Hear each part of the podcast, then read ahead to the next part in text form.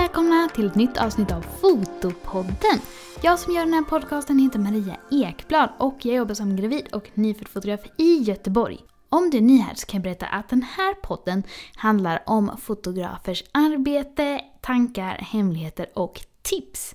Jag intervjuar olika fotografer varannan vecka och varannan vecka så har jag ett eget avsnitt där jag pratar om någonting som jag har tänkt på det senaste. Innan vi börjar så vill jag passa på att tipsa om min senaste YouTube-video som jag la ut på min kanal igår. Där pratar jag om tips på saker man kan göra om man inte har några kunder. Det finns väldigt mycket olika saker som är jättebra att hitta på i sitt företag under tiden som man kommer vara så glad för att man har gjort när kunderna väl börjar komma. Så om du har lite lågsäsong så kan du klicka in dig på fotograf Maria Ekblad eller på www.fotopodden.se under det här avsnittet så finns videon där. Idag så tänker jag att vi ska prata om några viktiga beslut jag har tagit i mitt företag. Och det är ett roligt ämne tycker jag för att alla de här besluten har kommit när jag har känt att jag har behövt förändra något. Jag kommer tänka på det här ämnet för att jag tittade tillbaka i min blogg på hemsidan och då kändes det som att det var så länge sedan som jag gjorde vissa saker. Men det var verkligen helt rätt beslut där och då. Till att börja med så vill jag prata om när jag skaffade min studio. Det var nämligen så att jag började som nyfödd fotograf och i allra, allra första början då fotade jag hemma hos människor. Jag tog alltså mitt pick och pack och åkte hem till folk och hade nyfödd-fotograferingarna där. Då fotade jag i naturligt ljus så jag frågade alltid kunden innan om de hade bra ljusinsläpp vid fönstren och jag hade med allt, alltså beanbag, ställning, rekvisit matta, kamera, hela faderullan. Så det var himla släpande in och ut hos kunder. Och även om jag älskar att träffa kunder så kände jag ganska snart att det här var kanske inte de bästa formerna för att driva mitt företag. Jag tyckte det var svårt att få reda på om kunderna hade bra ljusinsläpp. Och om man fotar lite mer dokumentärt då kanske inte det spelar någon roll. Men om man fotar poserad nyfödd fotografering så som jag gör, då vill man ju ha så konsekvent ljus som möjligt. Och ibland så hade kunder fantastiska fönster med perfekt ljus. Men ibland så kunde de också säga att de hade jätteljust hemma. Och sen så hade de stora fönster såg jag när jag kom dit. Men en gång så var det en eh, granskog framför fönstren så det kom liksom inte in något ljus ändå. Och sen så var det ju det här släpandet såklart. Jag känner mer och mer att om jag ska tycka att nyföddfoto är roligt så behöver jag ha ett ställe där jag kan ha alla mina grejer. Jag kände också att jag ville börja med bildvisning och om ni är mer nyfikna på det så har jag också ett avsnitt om hur man börjar med bildvisning som ni kan lyssna på efter detta. Men då tänkte jag att det kan nog vara fördelaktigt att ha en lokal just för att då kan man hänga upp alla tavlor och visningsexemplar på väggarna där och då kanske kunderna får lite mer inspiration till att köpa. Så det var en kombination av eh, både att jag tröttnade så mycket på att baxa saker från bilen till kunders hem, också att det var osäkra förhållanden med ljus Också att jag ville ha ett ställe där alla mina grejer kunde förvaras så vi slapp ha dem här hemma och jag kunde ha alla visningsexemplar. Det ledde fram till att jag skaffade min studio och alltså det går inte att föreställa sig att jag inte skulle haft den. Jag tror inte jag hade jobbat som nyfödd fotograf idag om jag inte hade haft ett eget ställe att vara på. Så det är absolut ett av mina bästa beslut i företaget någonsin. Jag älskar min lilla lokal och jag, det är verkligen mitt happy place. Sen så är det såklart att då drar man ju på sig en månadskostnad och pengar måste in varje månad på ett annat sätt. Men för mig har det verkligen varit så himla värt det. Ett annat beslut som var väldigt viktigt för mig var när jag valde att sluta fota bröllop. Jag började min lilla fotokarriär som bröllopsassistent åt en fotograf och sen så sommaren efter det då hade jag tre egna bröllop bokade. Och sommaren efter det då hade jag 14 bröllop bokade. Och det här är ju verkligen en fråga om preferens. Jag gillar att fota bröllop på många olika sätt, men jag kände också att det här sättet passar inte för mig efter en stund. Dels så gillar jag ju att skapa fina bilder. jag är kanske inte den fotografen som älskar att fota dokumentär. Jag märkte också av ganska snabbt att jag tyckte det var jobbigt att jobba helger på somrarna och kände att jag saknade att eh, vara med på grejer som mina kompisar och familj och nära och kära hittade på. Och också att det blev väldigt mycket bilder att redigera. Och det är ju ganska tvärtom mot hur jag jobbar nu. Nu kanske jag eh, visar 30 bilder för en kund. Medan då kunde jag ibland sitta och redigera tusentals om man fotade riktigt länge. Sen så var det andra grejer också. Jag gillar ju som sagt att skapa fina bilder och jag förstår att om man har jobbat länge då kanske man hamnar på fantastiska platser och kan styra mer om vilket ljus man kan fota i och be brudparen att man fotar mycket i golden hour och sådär. Men jag gillade inte heller att man var utelämnad åt vädret och inte kunde boka om. På så sätt fick man ganska ofta göra det bästa av situationen och det gjorde också att det kanske inte blev det här kreativa utloppet som jag hade tänkt mig att fotandet skulle vara. Sen så en faktor till är att jag är ingen partytjej.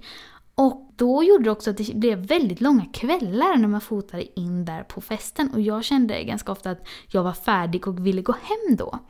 Så även om jag hade fantastiska brudpar, hade jätteroligt under dagarna, det var jättemycket härliga känslor. Så de här sakerna gjorde att jag till slut kom fram till att det kanske är bäst om jag inte fortsätter med bröllop utan de fotografer som finns där ute som älskar bröllop, det är ju bättre att de fotar det så kan jag fota det som jag är riktigt bra på och som passar mig och mitt liv bättre.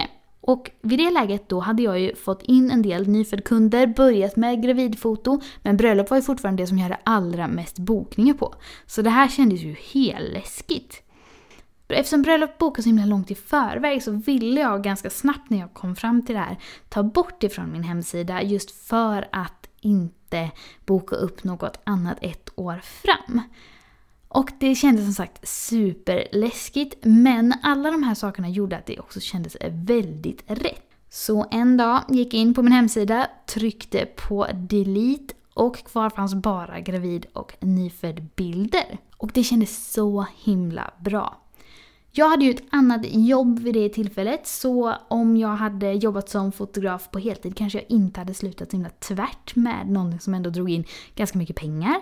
Men eftersom jag hade den möjligheten och kom fram till att det är bättre om jag fotar det som känns allra bäst för mig och andra fotografer kan fota bröllopen så tyckte jag ändå det blev bäst. Och det var en sån himla lättnad. Så om du fotar någonting som du kanske inte tycker passar dig helt och hållet, då tycker jag absolut att du ska fundera över var skon klämmer, om du kanske kan ändra om detta eller fasa ut detta på något sätt. För jag har inte saknat fotobröllop överhuvudtaget och alla de här fantastiska människorna som jag var så glada över att träffa, de får jag ju träffa i alla fall.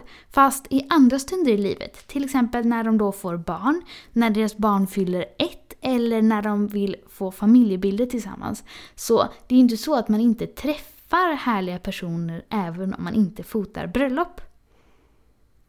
Ett till viktigt beslut som jag också vill berätta om är när jag höjde mina priser. Jag tror att min allra första bokade fotografering tog jag 1000 kronor för. Det var en porträttfotografering bland körsbärsblommorna här i Göteborg och jag fotade en familj. Och alltså jag var så himla glad. Jag var överlycklig över att någon ville betala mig överhuvudtaget för det kändes helt sjukt. Även om jag kände att visst, jag kan ta bra bilder men det här med att någon skulle betala mig, det kändes liksom wow. Efter det så höll jag på med det ett tag och sen så började jag ju fota bröllopen. Och då fick jag ändå en uppfattning om vad man kanske skulle ta betalt eftersom jag var bröllopsassistent. Så då blev jag lite upplärd i bröllopssvängen att man ska nog inte lägga sig hur lågt som helst för man jobbar ju ändå väldigt många timmar. Men sen började jag ju med nyfödd-foto. Och där jobbar man ju faktiskt också ganska många timmar. Om en fotografering tar lång tid kan man ju faktiskt fota tre timmar och det är ganska mycket redigering. Och jag tänkte ju att det här kan ju inte vara samma som mina vanliga porträttfotograferingar för 1000 kronor. Så jag tyckte att jag tog i ordentligt och la mig på 2500 kronor.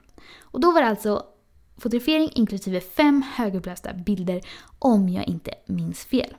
Och jag tycker ju att man får ju prissätta så som man vill såklart. Men jag tycker det är allra bäst om man räknar in all tid på förberedelse, på fotografering, på redigering och leverans. Och då hade jag nog ganska snabbt sett att 2500 för en nyfotografering, det blir inte så bra timpenning på det. Men jag eh, fotade på med det och eftersom jag låg ganska relativt lågt i pris så fick jag ju ganska mycket kunder på det. Och en dag så kände jag bara att nu behöver jag göra något åt det här för att jag jobbar så himla mycket och får inte tillräckligt betalt. Så jag läste på om olika prissättningar, jag skapade några andra paket. Om jag inte minns fel så gjorde jag sedan tre olika paket. Ett för ungefär 3500, ett för 6000 och ett för 9500. Och det känns också helt sjukt med de priserna. Nu ingick det en del saker i de här paketen. Jag minns inte exakt men jag minns att det var tavlor, det var fotoböcker och det var annat. Så den prissättningen kan man verkligen också diskutera. Men bara det här steget att gå från 1000 eller 2500 kronor till något mer var verkligen ett så bra beslut. Sen har min prislista utvecklats och ändrats massor sen dess.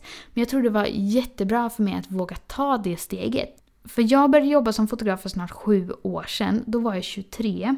Och tanken på att gå till en fotograf för 2500 kronor, det var ganska mycket pengar för mig då. Jag var fortfarande student när jag började med detta och hade inte jättemycket i månaden. Så för mig kändes ju 2500 kronor som mycket pengar och mycket att be av någon. Och därför så blev det att jag tyckte att det var rimligt att jobba för. Men nu då när jag har helt andra priser idag så känner jag ju att det är det enda rätta om man ska kunna göra det här på ett sätt som man faktiskt kan ta ut en vettig lön, spara pengar, köpa det man vill i sitt företag och inte behöva oroa sig så mycket för att man kan bygga upp en buffert. Så det var verkligen också ett superviktigt beslut i mitt företag och när jag tittar tillbaka på alla de här tre grejerna så är jag verkligen så himla glad att jag gjorde dem. Alla sakerna har fört mig och mitt företag framåt på olika sätt och alla har ju egentligen kommit ur att jag på något sätt ledsnat på den situationen jag hade och känt att det finns något annat som jag skulle kunna göra som skulle kunna göra att mitt företag faktiskt blir bättre. Så om du har en magkänsla kring någonting, kan det vara din prissättning, kan det vara någon sorts fotografering, kan det vara ett sätt du gör dina fotograferingar på Oavsett var skon klämmer, fundera över om det är något som du ska passa på att ändra. För det kan verkligen finnas något annat som passar mycket bättre för dig på andra sidan av ett sånt beslut. Det var allt för den här veckan. Tack så hemskt mycket för att ni har lyssnat och ha det jättefint så hörs vi snart igen i ett nytt avsnitt. Nästa vecka kommer vi djupdyka in i nyfödd fotografering med en spännande fotograf.